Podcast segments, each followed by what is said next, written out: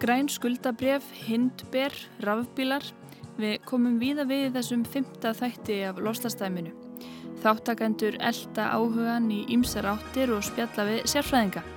Við veltuði til dæmis upp hvort allar lofslagsaðgerðir Reykjavíkufjölskyldunar blikni í samanbyrði við það í hvaða lífeyri sjóðum greiðir og afgreðum nokkrar mýtur tengdar rafbílum. En fyrst skulum við taka púlsin á fjölskyldunum okkar fjórum, heyra hvernig þeim gengur að breyta lífstilnum, nú þegar farið er að síga á setni hluta verkefnisins. Og byrjum hjá yðunni á kvenneri. Snúður, hætsu!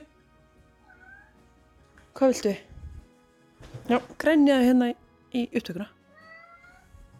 Já, þetta er fyrsta sinn síðan ég byrjaði í lofslastæminu sem er pínu erfitt hjá mér að því ég held að í kvöld í kvöldið sem að Netflix sýnir drotninguna, krúnuna, the crown ég hætti með Netflix út af kólumspori og núna finnst mér svo allir aðri sé að horfa nema ég en það er náttúrulega ekki alveg þannig en, en ég væri til að sýta núna sunnjótaskvöldi og vera að horfa á, á the crown Er þú sammálasnur? Já, þú er líka bara að gráta yfir þessu, það ekki?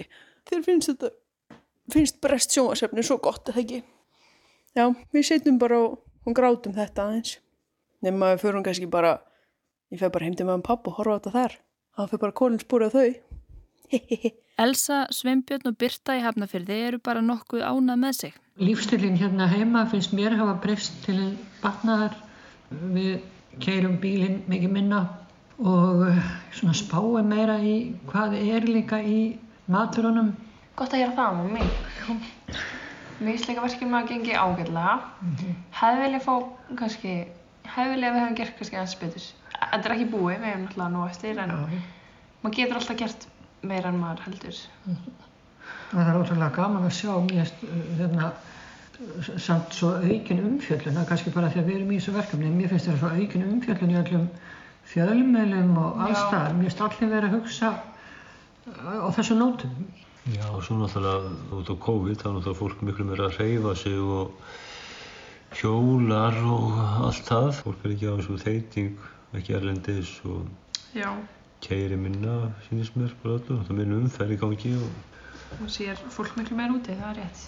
Já, það er náttúrulega bara mjög jákvæmt sko. Það er til að hangja haldist allt í hendur breyttu lífstil hvað var það reyningu og breyttu lífstil hvað var það umhverfismál og svo framvegis. Og bara svona smá hlutir, ég vil alltaf hjóla mikið en, en bara eins og lögut á smótnum elsnum að þá var mann vanlega að stilast á bílum á hlaupæfingu en nú bara hleyp ég hleyp ég hýttingin eða, eða hjóla þess að það nýrtir og, og hérna slepp þessu bíl og bara gleyma hvað er bensinstöðin Góður Reykjavíkur fjölskyldan notaði verkefnið sem afsökun fyrir að ráðast í stóra fjárfestingu. Eitt stærsti leðurinn í kólumspori heimilsins eru samgöngur.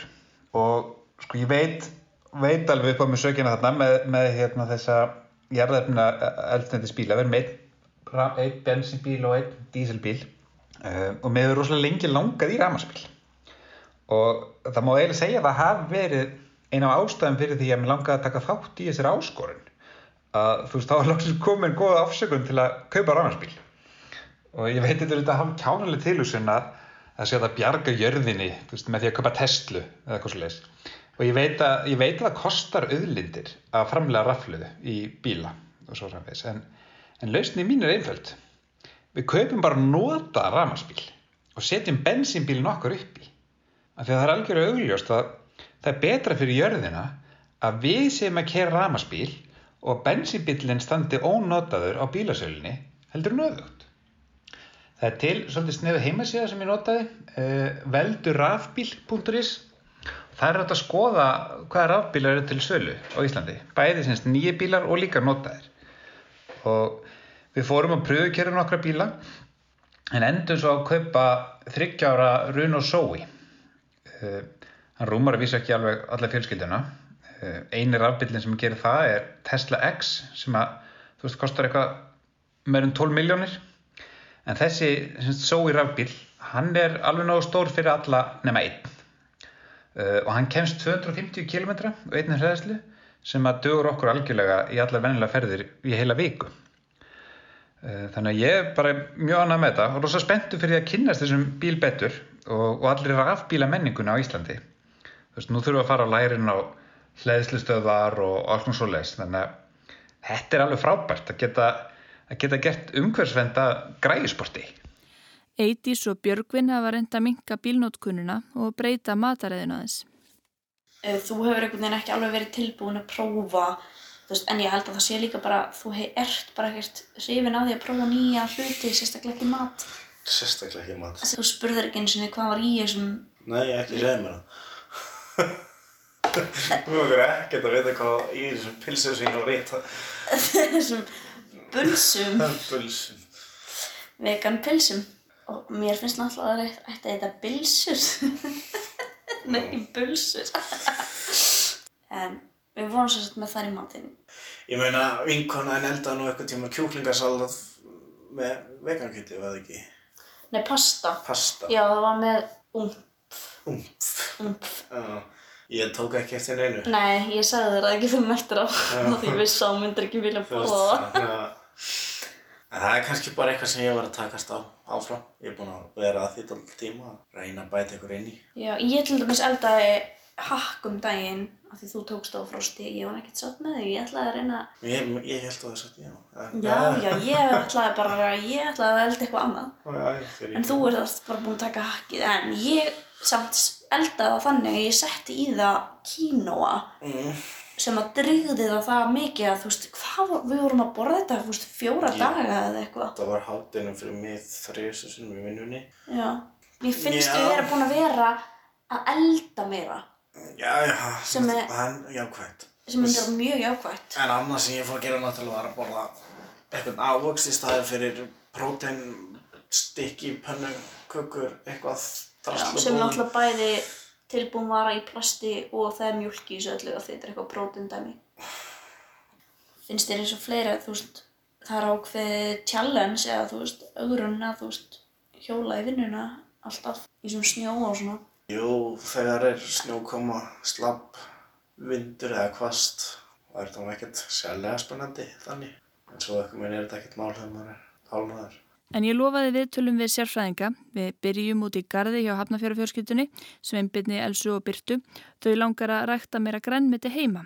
Sveinbjörn er komin með tölvuna út í lítið gróðurhús í gardinum og er að sína Vilmundi Hansen, gardirkju og grasafræðingi innvolsið. Já, hvað hva hafa verið rækt í þessu gróðurhúsi? Ég, hérna, er með kísubratrið, gefið alveg gríðar uppskjöru frá bara fyrsta ári og svo, hérna, er ég með heimber Já, meistur í stjórnaðum. sem að náttúrulega sem að fór náttúrulega algjör út á suður. Já, býtu, eru þetta hinnbyrðið þín? Þetta er hindber hérna. En ég er samt skotin hindberum og þau, hérna, þau eru búin að gefa alveg gríðar uppskjöru. Blessa að fara með þetta út maður. Þetta er, að, þetta er algjörlega að taka yfir húsið hjá þér. Já, það er augljóst að þau þurfa að hemja hindberin ef þau ætla að halda vilmundi góðum, en þau hafa áhuga á að rækta fleira, matjurtir og kryddjurtir. Vilmundur spáir því að það verði lítið mál. Kryddjurtirnar sér hann fyrir sér á svölunum. Tala nú ekki um það sem menn eru lagendir að smíða bara borð sem er hérna, bara sérsmíða borð og helst á hjólum. Þá er hægt að rúla kryddjurtunum í og úr sólinni eftir þörfum. Svo er það matjurtirnar. Vilmundur ráðlegur þeim að byrja á harðgerm tegundum sem þarf að hafa lítið fyrir, kartöblum, grænkáli og rababara. Síðar getur þau svo fært sig til dæmis í kvítkál og blómkál. Fyrir matjurtagarðin þurfa þau að finna stað þar sem er bæði sól og skjól.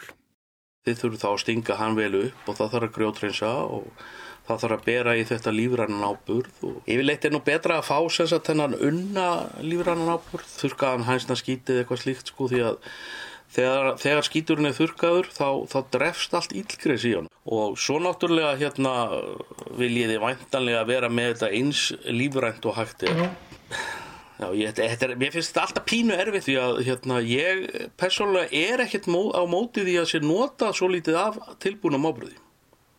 En það sé bara gert í hófi. Ég líti á, líti á þetta þannig að lífræni ábröðin sé maturinn sem við borðum sko, en að, tilbúinu ábröðin sé sko vítamin.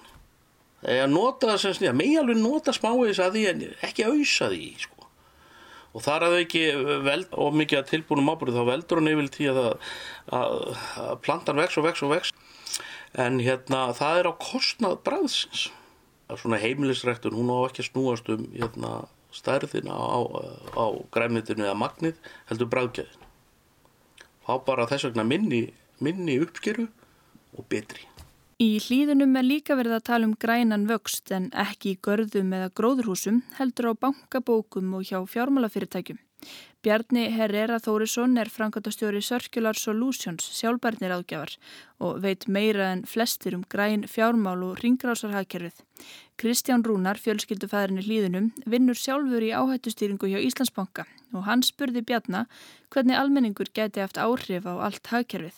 Og hvort sem að væri þá í gegnum breyttar neysluvenjur um, eða með fjárfestingum, með sparnaði, e, með því að setja þrýstingur lífur í sjóðina eða eitthvað svoleiðis.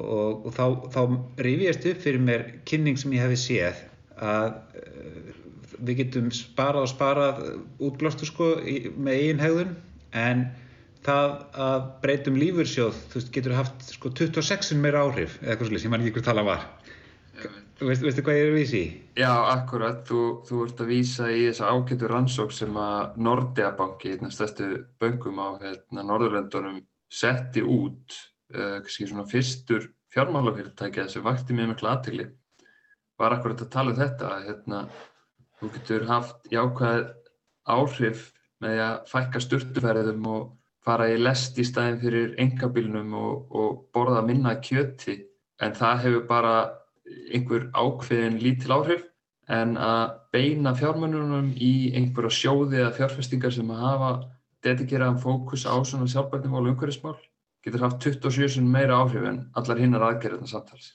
Og hérna, veistu hvernig það er á, á Íslandi? Er komin einhver tækifæri fyrir almenning til þess að hafa áhrif með þessum hætti? Þetta hefur verið ótrúlega magnað að fylgjast með þróuninni hérna heima á Íslandi núna bara undarfærin mjög fá ár, bara tvö ár eða svo.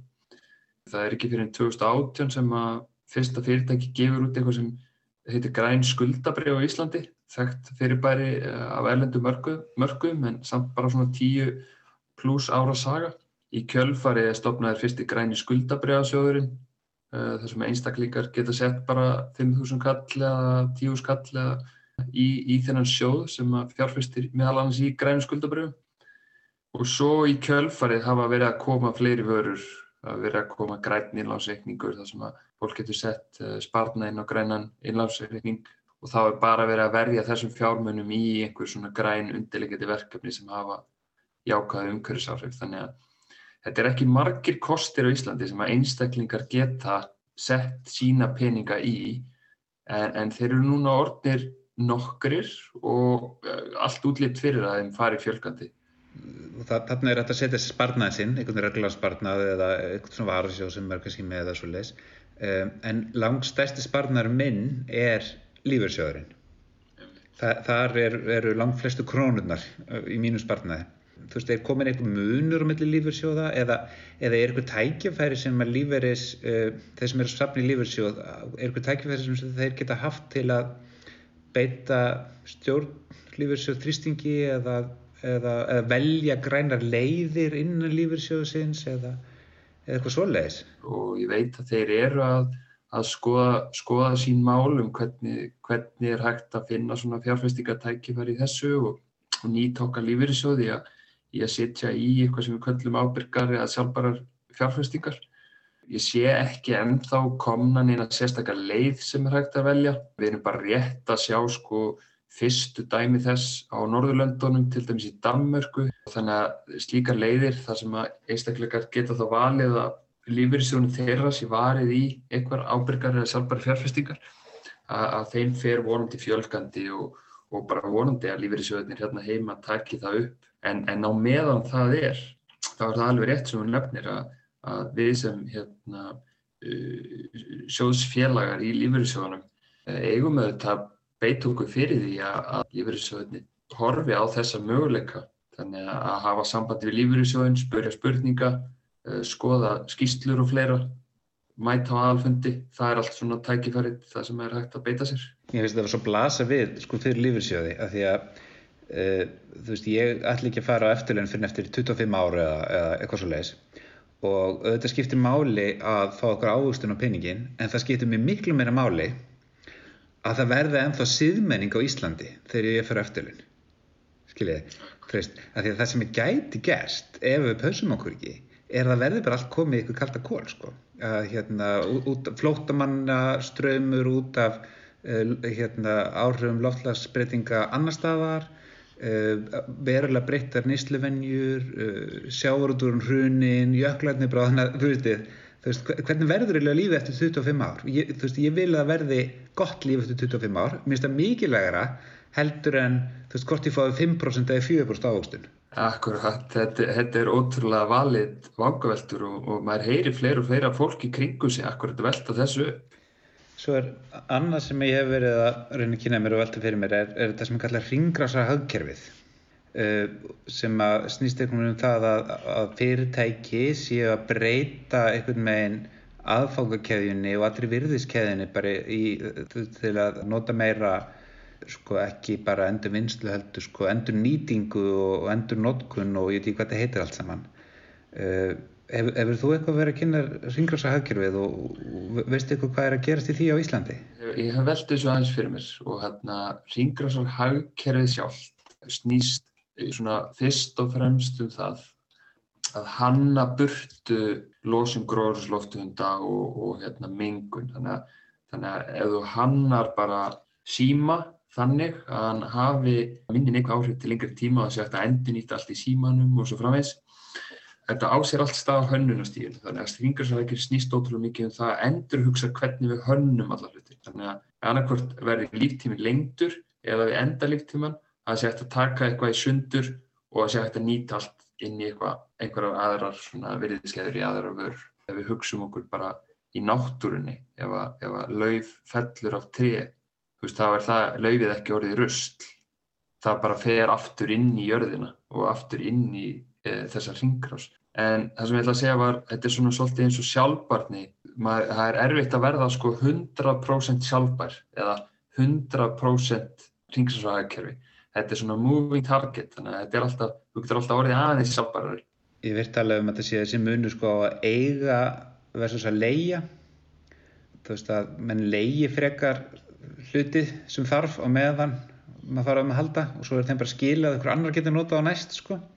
Ég man ég var einn svona ráðstöfni þar sem var eitt fyrirlesturinn var með glæru sem var mynd á borvél og svo stóð vissu þið að, að meðaltali er borvél notuð í 16 mínútur. Það er alveg svakalegt. Veist, af hverju þarf maður að eiga borvél inn í geimslu sem hann heldur bara notuð í 16 mínútur yfir sko allan líftíma vélarinnar. Og það var eftir ég sá þetta sem að fengum hérna eh, kort í Reykjavík Tool Library út á Granda, þar sem er þetta að fá það, þetta er svona eins og bókasafn eða maður er með svona bókasafnskort eh, Tool Library kort og, hérna, og þá getur maður farið og bara fengið lána borvél í eina viku. Og ef að þetta eikst mikið þá getur þetta breytt því alveg hvernig fyrirtæki þurfa að hugsa. Ef að enginn myndi kaupa sér sína eigin borvél heldur allir myndu hafa aðgangaða leiguborvél þá þurft að framlega miklu færri borvélar. Og þá væri hægt að gera framlega betri borvélar sem endast lengur jöfnvel og, og, og svona eru hannaður út frá öðrum sjónamöðum og í, í framhaldinu væri minni ágangur á náttúruöðlendir Bjarni nefnir dæmi um nýja hugsun. Fyrirtækið Rolls-Royce framleiðir meðal annars flugvélarhefla og nú er það farið að leia flugfélagunum heflana í stað þess að selja þá og Rolls-Royce ábyrgist þá viðhaldið á þeim. Þetta er svolítið sniðut því þá er, sko, er, er hagur framleiðandans að frekar að búa til endingum gott tæki frekar heldur en eitthvað svona sem ég innóta sem er helst þannig að, að viðskiptunum þurfa alltaf að köpa nýtt og nýtt. Og, og, þetta er akkurat hérna, e, e, kjarnin í þessu línulega hagkerfi eins og bendir á sko sem að þetta ringarsahagkerfi á að taka við af að hagu, okkar haguvöxtur síðustu fáu áratvíi og, og hérna, innabildingin og allt þetta. Það er all, alltaf snúist um það að framlega og framlega og framlega og nota nota nota. Að framlega sem mest og selja sem mest það var aldrei hugsað út í alla, allan lífsferðilin hvað gerist svo við endan þegar við erum búin að ganga á alla náttúruöðlindunar og getum ekki framleitt meira? Eða hvað verður að, við þetta allt rusl? Þegar, þegar þetta verður að rusli sín og ég kannski að spyrja líka. Já, Það er svona viðtal svolítið. Hvernig, þú veist, hvern- hvernig myndir þú áhuga á því að, að, sjá til dæmis uh, þínum sparnaði varð í, í hvers konar verkefni og Sko, ég myndi, ég, ég myndi vilja að sparnar minn geti nýst í, í þessa umbreytingu sem þarf að verða. Til dæmis að, að sparnar minn getur verið notaður til þess að fjármagna orkuskipti í samgöngum eða, eða eitthvað skonar umbreytingu sem verður að vera á, á, á, á hérna, fyrirtækjum. Ekki í að kaupa hérna, eitthvað kólaver eða, eða fjármagna eitthvað mengandi yðinnað eða, eða eitthvað svoleiðis. Ég myndi, ég myndi vilja það mjög kjarnan og hérna uh, en svo er þetta líka sko að því hinn hlutin af fjármálunum það er ekki bara hérna sparnaðurinn heldur það er líka lánin sem er að taka. Og ég hefði alveg tekið eftir því að, að bankarnir eru flestir farnir að, að bjóða einhvers konar afslátt af uh, til dæmis grænum bílunánum um, þannig að semst ef maður er að kaupa rafbíl, jafnvel rafmarshjól uh, eða eitthvað svo leiðis að þá er hægt að fá uh, lán sem er á aðeins betri kjörum heldur en ef þetta væri bensinbíl og ég hef ekki heyrt um það með grunnar að sé næsta skrif, skrif væri eitthvað svona húsnæðslán, græn húsnæðslán eða eitthvað svoleiðis ef að fyrir þá sem er að byggja sko, svansvottaðar íbúðir eða, eða eitthvað íbúðir sem að nota minni steipu eða eitthvað svoleiðis að það sé eitthvað hægt að njóta þá betri lánskjara uh, á móti svoleiðis eignum. það sem að vonast til er að hérna, með svona þessum vaksta kjörum að sé hægsta er að taka þannig lán versus lán fyrir bara venjulegum bensinbíl eða díselbíl til dæmis. Að það svona fái kannski þá sem að hafa ekki bara svona einhvern veginn pjúra áhuga á því að sitja fjármagnin sitt í eitthvað svona umhverfisvænt að svona fái fólk til að hugsa svona, heyrðu, ok, það er hérna hagstæra eða ódýrar að fara þessa leið. Það er alveg klart að við þurfum að þetta þarf að breytast mjög hratt eins og þessi orkuskipt. Semst, ef við hugsaum um matvælinn sem ég borða, sko, ég ræð sjálfur hvað ég borða. Ég, ég fer út í búð, ég kaupi matinn, en ég ætla ekki að láta búðina velja hvað ég borða, skilur þau? Það er svolítið svipa kannski bara þetta með peninginni, þú veist, ég ræð alveg hvað ég set peningin minn í banka. Ég ætla ekki að láta bankan ráða það, því hvað peningur minn er notaður. Ég ætla bara að velja það sjálfur. Einmitt, þetta er þetta alveg ótrúlega góð, góð samlíking hjá þér sko að hérna kannski hinga til hefur fjármálakerfið verið byggt hann upp svona kannski að, að, svona í meginatrun til að þegar maður leggur þúsundkall inn á innlánsreikning þá, þá getur nú bankin ráðstafa honum með hvað hætti sem er og, og þetta er kannski að breytast akkurat með þessum grænu sjóðum, grænu innlánsreikningum þá er maður að leggja þúsundkall inn, á, inn, inn í þann sjóð eða inn á þann innlánsreikning og, og bankin má bara ekki gera allt, hann verður bara að gera bara mjög afmarkaða hluti við þann pening af því að nú eru komnið svona fyrstu valmöguleikarnir fyrir einstaklinga og, og því fleiri einstaklingar sem vita að því og setja peningi sinn þangað því fleiri valmöguleikar munu koma upp og þetta mun svona íta veld, e, eiga sér stað einhvers konar uh, veldi áhrif. Já, við getum ráðstafa hluta peningan okkar eftir grænum leiðum, en hvað vitum við um lofslasáhrif þess pening sem við leggjum inn á almennan bankareikning? Eru bankarnir mikið að fjárfesta í mengandi innaði? Er hægt að segja að sumir íslensku bankana séu mosagrænir og aðrir brúnir? Ég, ég held að það sé ekkert endilega þannig hérna á Íslandi. Sko, ég veit, ef þú veist með grunar að íslensku bankarnir uh, eru þessi þrý stóru allavega, veist, eru cirka bara með eitt triðja markaðum hver. Þannig ég held að þeir séu alveg óslulega líkir og uh, það sem þeir lána eitthvað skítugt er bara jafn mikið eins og skítugt þar sem er á Íslandi. Út í heimi, einhvern veginn í útlöndum, þar er þetta öðruvísi. Þar, veist, þar ertu með stór ólíufyrirtæki og þú ert með einhver námafyrirtæki og eitthvað svona hérna, uh, miklu sérhæðari starfsemi. Meðstu sérfrækjandir í þessum hérna, fjármála og sjálfbara græna fjármála heimi uh, er að spá, spá því að, að innan mjög fára ára að þá verði skrítið, farið að verða skrítið ef að alveg er ekki að beita sig fyrir græna. Þannig að þetta, þetta græna eða sjálfbara, það verður nýja normið. Reykjavíkuborg gaf út fyrstu grænu skuldabrefin í íslenskum krónum haustið 2018. Til viðbútar hafa sex félög gefið út slik bref. Grænimarkaðurinn stækkar ört og árið 2020 var metár þrátt fyrir COVID. Á yfirlitsíðu Circular Solutions yfir grænamarkaðin hér kemur fram að brefin hafi komið í vekk fyrir losun tæplega 400.000 tonna af koldvísýringsíkildum. Samt er bara búið að grænka lítið brot af íslenska skuldabrjámarkaðinum. Andri Guðmundsson, frangatastjóri hjá Fossum mörkuðum, segir að flest þau grænu bref sem hafi verið gefin út í íslenskum krónum hafi ratað í bækur lífeyrissjóðana. Þar spilar inn í löggjöf frá árinu 2017 sem skikkaði sjóðina til að horfa í auknum mæli til samfélags og umhverfis í fjárfestingastarsemi, ekki bara beint í peningana. Ísland er eftirbátur hinna Norðurlandana þegar kemur að grænum fjármálum. Gagsæðið mætti vera meira. Alda félagum sjálfbærni og líðræði, landvernd, fóreldrar fyrir framtíðina og ungir umhverfi sinnar hafa síðastliðin ár reynda að afla upplýsinga um hvort íslensk fjármálafyrirtæki sé að fjárfesta í ólíu og kólaðinaði. Af 45 fyrirtækjum hefur 21 svarað. Viða í nágrannlöndum okkar hafa bankar og lífeyrissjóðir gefið út að þeir higgist færa fjármaksitt úr kóla og ólíðinaði, komaði í annan farveg, divestment er þetta kallað. Hér hefur ekki borið á slíkum yfirlýsingum og svörin sem félagasamtökun fengu voru fæst afdráttar laus.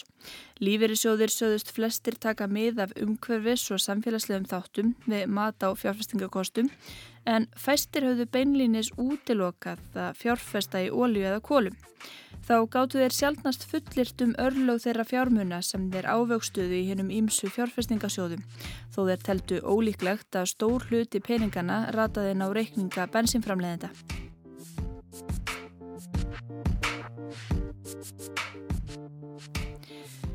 Það er ekki bara þróun í bankaviðskiptum, það standa líka yfir orkuskipti í samgöngum. Eidís og Björgvin og Akureyri er að veltaði fyrir sér hvort, hvenar og hvernig þau geti hoppað á hreinorkuvagnin. Sigurður Ingi Fridlefsson, frangatastöru Orkuseturs, rætti við þau. Hann kerði fyrsta nútíma rafbílin á Íslandi fyrir um tíu árum og þekkir vetrar aðstæður norðan heiða enda búsettur í eigafærasveit. Já, við langaði bara svona að spjalla um þetta að því við höfum áhuga á þessu, alveg klálega sko. Við eigum eins og er einn díselskóta.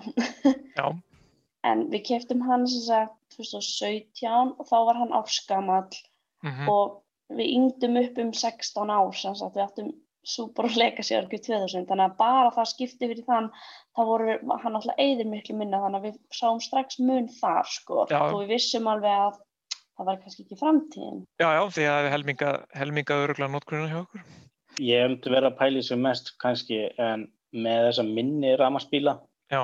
Þeim myndi henda okkur örgulega svona 90% tímanum. En fóraldra mín er búið emt fyrir vestan og, og ég man ekki hvað er 400 eitthvað 500 kílometrar ranga mm, það, það er önnur ástæða fyrir því að við erum með fjórhjörður já, já, já, akkurat. En sko, eins og ég segi, sko upp á framtíða möguleika þá er náttúrulega erum að gera bara að skoða rafbílamarkaðin sjá hvað er í bóði á hverjum tíma, ég segi það líkur ekkit ábar þegar finnir drauma bílinu, ég get lofa að hann er komin eða kemur á næstu einu, tveimur árum sko. Bara með þessum hlæðslustöðum sem eru og, og, og dregninu sem er komin að þá er þetta ekkit vesend, þannig sé sko. Já, menn þetta er svolítið í það að, að, að að hugsa um bíla að velja svona yktustu ferðalagi sitt, skilur revi upp eitthvað eitthva stórveðu sem við lendi í einhverju langferði eða, eða hérna lengstu ferð sem er nokkuð tíma að fara á bíl sko. Og, og það er einhverju bara óhör rafbíl það er bara almennt einhverju gallin í, í hvað verður að segja bílkaupum íslendinga hinga til að þeir hafa ekkert svona hún hefur ekkert verið mælt út frá mestu nótkun heldur til að mæta yktustu aðstæðum og maður er svona að vona að, hérna, að það sé að minga bara líka svona, ég held kannski að þetta COVID-dæmi hafi hjálpað okkur aðeins að, að sjá aðra lausnir skilur og, og vera ekki að, að horfa alltaf í, í þennan albíl sem á að geta allt sko. Það eru ymsir kostur í stöðinni hjá Eitis og Björgvin og Sigurður segir að þau þurfa ekki að ana neinu. Þau geta keft metanbíl, hlaðið á metanstöðinni rétt hjá heimili sinu, færi vestur á fullum tanki og keirt tilbaka á bensinni og svo geta þau keift rafbíl. En hvað með dregnina? Sigurður er komin á Tesla, kemst til Reykjavíkur og einni hlæðslu. En ég er enginn talsmaður einhverju ofurdregni sko. Sjálfur var ég á fyrsta lithium rafbílum sem var bara framleitur eða fluttu til hansins. Já. Og hann var ekki nema svona hvað segja, á góðum degi 100 km á mjög góðum degi og þú veist niður í 60, 75 km eða eitthvað vetra aðstæður Já. þá lærir maður er- sko að e, e, þú veist þessi dregn er algjörlega ofmetin sko þetta var alltaf nóg Já, það er samt svona svo, já, fáðu fyrir rúsinur hérna. En það, það er einhvern það helsta sem að við, ég hef verið að hugsa, það er að því við förum að lúmst oft vestur. Já. Maður hefur heyrt um þessi vandamála fyrir að býða á eins og í staðaskóla og eftir, eftir að komast í, í hlæðslu. Já, já. Og, já, já, en það er svo sem alltaf batnaði, svo er þetta líka kannski eftir komin á, við erum komin í einhverja breytingar skilum, til mis, maður verið að ráðleggja fólki sem eru með pælingar og, og, og, og það er kannski að kaupa notaðan rafbíl sem er bara mjög ódýr sko já. og sem dek, dekkar 90% af þeirra notkun og er náttúrulega miklu ódýrar og hagstæðari. Já. og þá ertu alltaf bara komið svigrum sko að þú veist þegar þú ferði í þessar 5-6 ferðir á ári sem eru mjög krefjandi að þá bara reddar þér, leiðið bíl eða, eða, eða eitthvað svoleiði sko. Og hérna, ja, þetta er svo að breytast þessi svona, þessi eigna hugsun er orðin svona Já, já. Þau gætu til dæmis keft ódýran ramaspíl og fengið lánaðan bíl hjá foreldurum eitísar til að fara vestur, svona á meðan innviðirnir þar er ekki fullkomnir. Þeim líst síður á að taka bílalegu bíla, því að þau eru oft lengi fyrir vestan á sumrin. Svo getur verið að tengil tvinnbílinn hendi þeim. En það er kannski eitthvað sem að gæti verið svona fyrsta, eða þú veist, milliskrifið. Já, og sérstaklega einmitt sem einn bíl Föðurbróðir sem minn var sagt á öllu sko. og var síðan að skipta honum út fyrir Tesla núna, þannig að, akkurat, þetta er svona þessi samsetninga, þetta er alveg Já. kjörin sem einn bíl sko og, og komast þá talsvert á rafmagnið og, og meira að minna innanbæjar á rafmagnið sko. Orkuskiptin mjakast um 40% af nýskráðum bílum eru nú hreinorkubílar. Ef hort er á flotan allan þá gangum 7% af bílunum á götum Íslands fyrir hreinum orkugjöfum. Losun frá samgangum þarf að minka um að minnstakosti 37% á næstu tíu árum. Árið 2030 þurfa tveir af hverjum þremur bílum á götunum að verða hreinorkubílar. Það er því mikið verk óunnið og svo ákverðin stjórnvalda að leifa nýskráningar bensín- og dísilbíla til ásins 2030 tefur svolítið fyrir. Stærsti glæpurinn sem hægt er að fremja núna er að kaupa glæ nýjan bensín og dísilbíl. Þá kemur hann inn í kerfið og verður hérna alveg til 2030 skilur í, í Parísar bókaldin okkar og, og það sem kannski fólk áttur ekki alveg nóg á að það er þó þetta sé enga bíl, þá er það, ert þú að taka ákvörðum fyrir allt samfélagið með að ákveða að þú ætlir að að panta þau fáu slott sem eftir eru fyrir bensin og dísibíla ef við ætlum að standa skuldbyttingar. Af því það má náttúrulega líka bara snús og haus sko, það er ekkert mikið meira pláss í bókaldinu fyrir nema svona 50-60 úrst bíla nýja fram til 2030 og þegar við erum að tala um 15 til 20.000 nýskranningar á hverju ári þá séu að það kvóti tæmis fljótt ef, að, ef menn ætla ekki að hérna, degja af. en veist, bara eins og með við aðstæðunar hérna, veist, er einhverjir frekari kostir eða gallar, veist, við að vera hér eða annar staðar eða. Nei, nei, þannig sé alveg finnst- við góður, sko, þetta er líka mjög góði vetrabíla, sko. Já, það já, glemist undir, margir af þessu ramaspílum er sko frábæri hálku, liggja mjög vel, sko. Það er erfitt að festa hann á kveðnum, hann er svo sléttur, skilur, bara ef það er eitthvað grip, sko, það getur hann svifið áfram, sko, af því að Já. allt þetta drasl undir bensínbílunum er raun og það sem ert að festa þig í. Þetta er svo snjóðóta, sko. En er það ekki þannig að sko eitthvað batterið dugi stittra í miklu kulda eða Nei, það er bara þú nota svo mikið í, sko, þetta er svo orku nýttni bílar að, að Mhm. hérna, í bensínbílunum eftir náttúrulega bara að nota glatvarma, sko, til þess að, sem nóg er Já. að, að, að það er svo léleg nýttni í bensínbílum að þá er nóg til að, að hita, en, en sem sagt, þú bara ert að nota svo mikið af orkun í hitun, sko. En það er eitt reyndar í sambandi við batteri sem maður heyrt alltaf að batteri sjálf bara endist líftímin á því er ekkert svo langur. Nei, það er algjör mýta, sko. Þeir raflöðuna lifa alveg bílinn. Ja, það er, það. Já. Gott. Og um, þú fann yfirleitt lengri ábyrð á raflöðunni þegar þú kaupir nýja rafbíl en á bílnum, sko. Og, ok. og síðan er þetta svona líka mýtur um að, að þetta sé eitthvað umhverfis vandamál sem það er ekki, þetta fer bara í endurnýtingu þegar þetta er búið þannig að það er verðmæti í rafluðunni þó hún sé orðin óslöffur í bílinn við hérna erum með verkefni í Grímsiða sem við erum að nota bílarafluð sem svona orku geimslu það er eins og að við kannski áttum okkur ekki alveg á en það var svona mikið þörf fyrir afsökunum sko, ég heit ekki alveg Já. hvað það er ekkert eins og að það hefur verið að neyða rafbíla á einhverja. Nei, ég hef líka en þá heyrt, fórum enn svona sko- flugum að, um að grípa einhverjar, einhverjar flökkusugur og eitthvað svona til þess að vera með sterk afsökun að þurfa ekki að taka átt í þessu sko. Æ, það var einhver sem ég heyrði einhver staðar að það var eitthvað um að, að þetta rafmagn allt í kringum okkur væri svo hættulegt fyrir okkur, það hefði fæðist eitthvað lamp með tvo hausa og það var örglúta rafmagni og eitthvað svona. Já, já, ma og maður bara, já ok, þú veist bara, já þessuna væri rafmagsbílar sko ekki sniður eða eitthvað Já, svona, ég er bara, jú, jú. já. Nei, nei, maður, þetta, ég elska svona umræðu sko, mér finnst hún svo að að mér finnst bara að feita þessu sko að því að við erum alltaf búin að vera að keira um á mólito koktelum í, í 100 ár bara bensinsprengjum og ekkert vesen og, og hingum ekki að fara út og, og dæla bara fyrir opnum tjöldum sko brjálaðislega eldfimmu vökva eins og ekkert síðan Já, já. og höfum svo áhyggjur af, af rafmengun, það, það, mér finnst það komist maður heyrir allan pakkan og margt sko jákvætt að því sem umhverfisfræðingur til mér sem mjög jákvætt þegar umræðan um sem sagt, að væri svona kóbaltnótkun í þessu sem að var einhverjum námum sem að var einhver barnaþrælkun í Kongo og eitthvað. Átt að kenna rafbílum um það sem að við fögnum alltaf umræðana því að þá, þá hérna fyrst fór eitthvað að gerast í þessu menn fór að hérna, gera kröfur um vottun á námum og fór að draga úr kóbalti í, í bílónum og nú eru kom rafluður sem eru með, ekki, með neitt kóbalt og svona þannig að, að þetta var til þess að það var tekið á einhverju svona vanda sem var mjög fyndið sem var algjörlega til staðar fyrir rafbíluna sko því að þetta er náttúrulega í öllum þessu farsífum sem við erum með og, og hérna, þá kvartaði enginn. Og ennþá fyndnara er sko að, að sem sagt, kóbalt er, er notað í sem sagt óljurheinsistöðum í gríðarlega miklu mæli sko. og eins var líka mjög gott að koma sko sögursvætina að rafbíla væru neitt umhverfisvætina því að að- nema ég kannski á Íslandi en ekki þar sem að því að rafmagn er framleitt með jarðefnesniði víða sko Já. og það væri mjög mikilvægt að taka raun og veru allan lífsferilsgreininguna sem Já. að við, við náttúrulega umhverfisvæðinu fögnuðum mjög og, og rafbílinn stóðst það náttúrulega með brafur og fram að því var bara, held allir að, að bensín er til á, á, á bensinstöðunum. Og svo held ég þessi líka nú bara svona tilfinningarlega tengt, sko, fólk er náttúrulega tengist þessum vélum svona, það er miklu svona vélakallar hann úti, sko, sem að bara er, finnst þetta óþægilegt.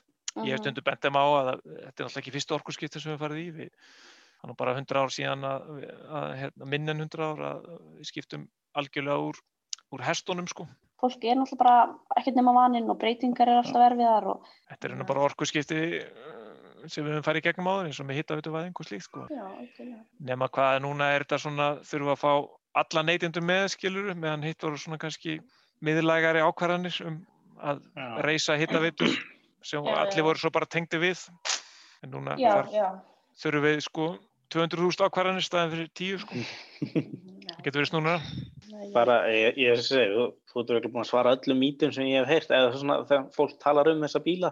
Búin að drepa að, Nei, nei, þetta var rosalega eftir að maður var að kynna þessu örfó bíla og fólk fannst þetta vera einhver förðu tæki sko með takmarkaðara eins og þeir voru hérna í gamla daga að þá var þetta, Já. þetta erfitt að fá allar þessar mýtur ofan í hitt sko en núna hef ég bara ótrúlega gaman að svona mýtum af því að þetta er bara Að þú hefur svör við þeim. hef svör við þeim og þú veist og allir þessi flottu bílar eru komin á þetta markaðin og ótrúlega stór hópu sem er búin að kynast þessu og veit að þetta er náttúrulega bara algjörlega og málið líka nú er náttúrulega, þetta er bara, þetta er ekki bara einhver einn gerð. mér finnst líka, fyrsta skiptið sem ég keiriði með bílinn hjá teind og bara, mér finnst skemmtilegt að keira. Já. Krafturinn var alltaf tilbúinn og Já, allt já. svona. sko. Ég, ég, svo segi, ég held að þú sést búin að svara öllum okkar Já. spurningum og miklu meira til og við erum Já. bara orðin, Já. nú maður miklu svona líka hérna, sjálfsöryggari með. Ég sé bara gangi ykkur vel og, og hérna Já, takk, takk fyrir þetta, þetta var æði. Við endum hennan þátt þar sem við byrjuðum hann í gardirkju pælingum heima hjá Hafnafjörðafjölskyldunni. Hvernig heldur að framtíðin samt í, í bara grammitsræktun er á Íslandi? Hvernig held ég hún verði? Bara algjörlega briljant. Það er bara, hérna, ég held að, ég held að við hefum svo óendanlega möguleika hérna sem hafa ekki ennþá verið nýttir. og íslenski garðurkjöpendur núna veit ég að þeir eru, að, eru margir að, að stekka við sig og þetta á bara eftir að aukast sko. Sumt segir hann samt að verði aldrei fjárhagslega hagkvæmt að rækta hér. Til dæmis séu aðrir út í heimi betri að rækta lárperur og sætar kartablur. En það má rækta ímislegt. Eppli, bygg, havra, hunangsvið, kvítlug, nefndu það bara. Skilirðin hafa breyst. Það eru hérna sko tegundur að vaksa hérna utan þeirra sem að fyrir 30 árum þá hefur maður ekki sko látið sér detta það í hug. Ég man eftir að þegar ég var í gargiskólunum þá kipti ég mér bókum hérna frúttdyrkning eins og hér dönsk um ávastatrið og það var bara kurjósubók sko. Já, fólk finnst líka bara eins og með kissubjörntrið sko, fólk bara gapir yfir því að ég sé að fá hérna eitthvað tíu lítra kissubjörnum sko. Ég kapir nú eða því finnst það svo mikið. Já, það er gríðarlegt magn, það er bara, ég væli þetta hverju er bara, hún er búin að gefa svakalega. Í næstu viku beinum við fókusnum út á við. Þetta nefnilega ekki allt á herðum venjulegs fólks. Hver er ábyrð fyrirtækja og stopnana? Hvers eru við megnug sem neytendur og borgarar? Hversu miklu má breyta með einum tölvupósti? Lofslastæmi í dag, þættirnir eru aðgengilegir á spilararúf og í hlaðvarsveitum.